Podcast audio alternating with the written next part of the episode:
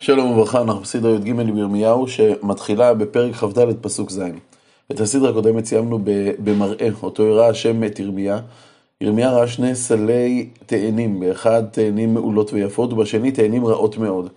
הנמשל של זה הוא בעצם נגזרת מתוך המציאות שנוצרה לאחר שנבוכדנצר מלך בבל עלה על ירושלים, הגלה את גלות החרש והמסגר ואת המלך יחוניהו ומאידך חלק אחר של ישראל נותר בארץ ישראל ובראשם מלך צדקיהו כך נוצרו לנו שני uh, מרכזים יהודיים שבראש כל אחד מהם מלך משלו. אף שניתנו לחשוב, לחשוב שהיהודים שגלו הם אלו שהשם מאס בהם, אומר הנביא, כי התאנים הטובות הם אותם האנשים שגלו לבבל. שהשם ידאג להם, ייתן להם טוב, בסופו של דבר ישיב אותם לאדמתם. ונתתי להם לב לדעת אותי, כי אני אדוני, והיו לי לעם, ואנוכי יהיה להם לאלוהים, כי ישובו אליי בכל ליבם. כלומר, אותו ציבור שגלה לבבל, ישוב אל השם, יעבור מהפכה רוחנית, ובסופו של דבר יחזור לארץ. וחטאנים הרעות אשר לא תאכלנה מרוע. כי כה אמר אדוני, כן אתן את צדקיהו מלך יהודה ואת שריו, ואת שארית ירושלים הנשארים בארץ הזאת, ויושבים בארץ מצרים, ונתתים לזעבה, לרעה, לכל ממלכות הארץ, לחרפה ולמשל ולשנינה ולקללה, בכל המקומות אשר אדיכם שם. ושילחתי בם את החרב ואת הרעב ואת הדבר עד טומאה מעל האדמה, אשר נתתי להם ולאבותיהם. כלומר, היהודים ש... שנשארו בארץ ישראל, וגם אלה שברחו למצרים, הם התאנים הרעות.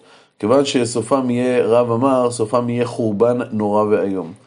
וכעת אנחנו חוזרים אחורה בזמן, לנבואה שהייתה בתקופת המלך יהויקים. הדבר אשר היה על ירמיהו ועל כל עם יהודה בשנה הרביעית ליהויקים בן יהושיהו מלך יהודה היא השנה הראשונית לנבוכדרצר מלך בבל. השנה הזאת היא שנה חשובה מאוד. בשנה הזאת בבל בעצם דחקה את מצרים לאחור בקרב קרקמיש. אם עד עכשיו מצרים שלטה על כל המרחב, הנבואות של ירמיהו על אויב שמגיע מצפון נשמעו ליושביו, לשומעי, לשומעי ירמיהו כהזויות לחלוטין, עכשיו פתאום הכל מתהפך. הבבלים משתלטים על המרחב, דבריו של ירמיהו פתאום מקבלים אור ריאלי. וירמיהו מקבל דברים שאותם הוא צריך לומר לכל עם יהודה. אשר דיבר ירמיהו הנביא על כל עם יהודה ועל כל יושבי ירושלים לאמור. מן 13 שנה ליהושיהו בן עמון מלך יהודה, ועד היום הזה, זה שלוש ועשרים שנה, היה דבר אדוני אליי, ואדבר עליכם השכם ודבר, ולא שמעתם. יש פה תסכול גדול, הרגשה נוראית של משימה שהוטלה על ירמיהו לתקן ולנסות לבטל את החורבן הנורא שהוא רואה בעיני רוחו, והוא לא מצליח, 23 שנים. אדם רואה איך המוות דוהר, הוא יודע שאפשר פשוט למנוע את זאת. אבל אף אחד, כולל בני המשפחה שלו הקרובים, לא מקשיב לו. וזה לא רק הוא, כלומר, לא רק הוא אה, אה, נמצא באותו תסכול נורא, ושלח אדוני אליכם את כל עבדיו הנביאים, השכם ושלוח, ולא שמעתם, ולא יתיתם את אוזניכם לשמוע. כלומר, ירמיהו לא היה נביא יחיד, אלא השם שולח עוד נביאים אחרים, אבל העם לא מקשיב לאף אחד מהם. ומה אמרו לישראל כל אותם נביאים? לאמור, שובו נא איש מדרכו הרעה, ומרוע מעללכם. ושבו על האדמה אשר נתן אדוני לכם ולאבותיכם, למין עולם ועד עולם. ואל תלכו אחרי אלוהים אחרים לעובדם ולהשתחוות להם, ולא תכעיסו אותי במעשה ידיכם, ולא ארע לכם. ולא שמעתם אליי, נאום אדוני, למען הכעיסני במעשה ידיכם לרע לכם. כלומר, 23 שנים של תסכול, של כאב, של התבאסות נוראית, עם ישראל לא שומע לאותן נבואות שדורשות מהם לשוב בתשובה, פשוט לחיות בארץ הזאת בצורה בריאה.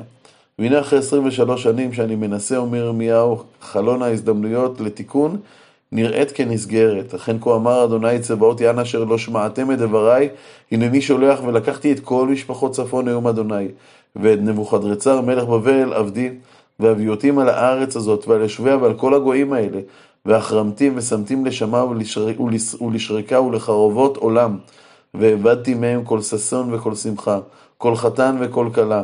כל ריחיים ואור נר, כלומר חורבן יהיה נורא. לא רק מותרות של שמחה וגיל, כמו קולות המשתתפים בשמחת חתן וכלה יאבדו, אלא גם דברים הנוגעים ללחם, ליסוד החיים, כמו כל הריחיים שיוצרות לחם, שזה המאכל היסודי, אור הנר, הכל הכל יאבד. והייתה כל הארץ הזאת לחורבה ולשמה, ועבדו הגויים האלה את מלך בבל שבעים שנה, שבעים שנות גלות יהיה עונשם של ישראל שלא שמעו את דברי הנביאים. והיה כמלות שבעים שנה, יפקוד על מלך בבל, ועל הגוי ההוא נאום אדוני, את עוונם ועל ארץ כסדים, ושמתי אותו לשממות עולם. כלומר, לפי, למרות שלפי פסוק, מספר פסוקים, אה, נבוכדנצח אה, מוגדר כנבוכדרצר מלך בבל עבדי.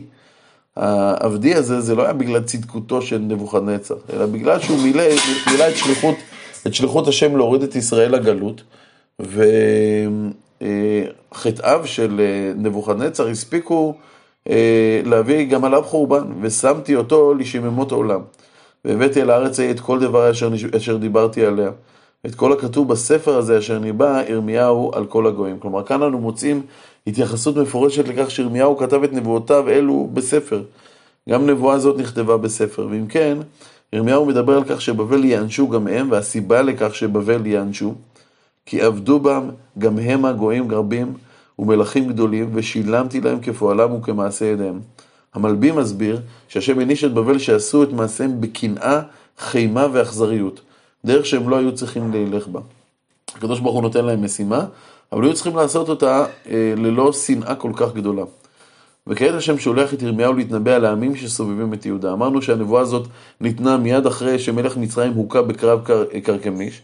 ההגמוניה האזורית עברה מידי מצרים לידי בבל. ככל הנראה עמי האזור רצו לארגן קואליציה שתמרוד בבבל. ירמיהו מנסה לבטל את רצונם ולכן הוא מתנבא עליהם. כה אמר אדוני אלוהי ישראל אליי. קח את כוס היין החמה הזאת מידי, והשקית אותו את כל הגויים אשר אנוכי שולח אותך עליהם. ושתו והתגוששו והתהוללו מפני החרב אשר אנוכי שולח בעינותם. כלומר, מלחמה בבבל היא בעצם שתייה של כוס יין שמבלבלת את דעתו של האדם. ויקח את הכוס מיד אדוני, ואשקה את כל הגויים אשר שלחני אדוני אליהם, את ירושלים ואת הרי יהודה ואת מלכיה ואת שריה, לתת אותה לחורבה, לשמה ולשרקה ולקללה כיום הזה.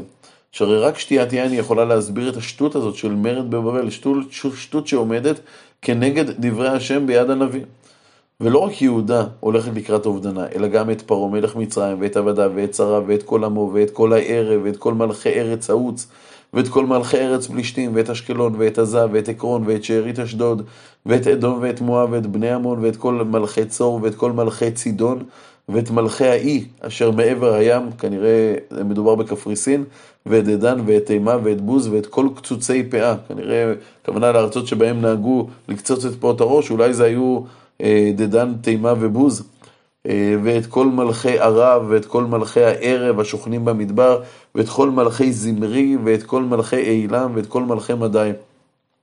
ואת כל מלכי הצפון הקרובים והרחוקים איש אל אחיו, כלומר גם הממלכות הצפוניות שיותר שכנות אה, קרובות לבבל, גם הם חששו מבבל ורצו להילחם בה, ואת כל הממלכות האלה אשר על פני האדמה ומלך ששח ישתה אחריהם. כלומר, מצודות מבאר שמלך ששח הכוונה למלך בבל ששח באטבש היא בבל, ואומר בעצם ירמיהו בצורה נסתרת, שאחרי שכל אותן ממלכות ייפלו במלחמה שלהם בבבל, אחרי כל זאת יגיע גם סופה של בבל עצמה.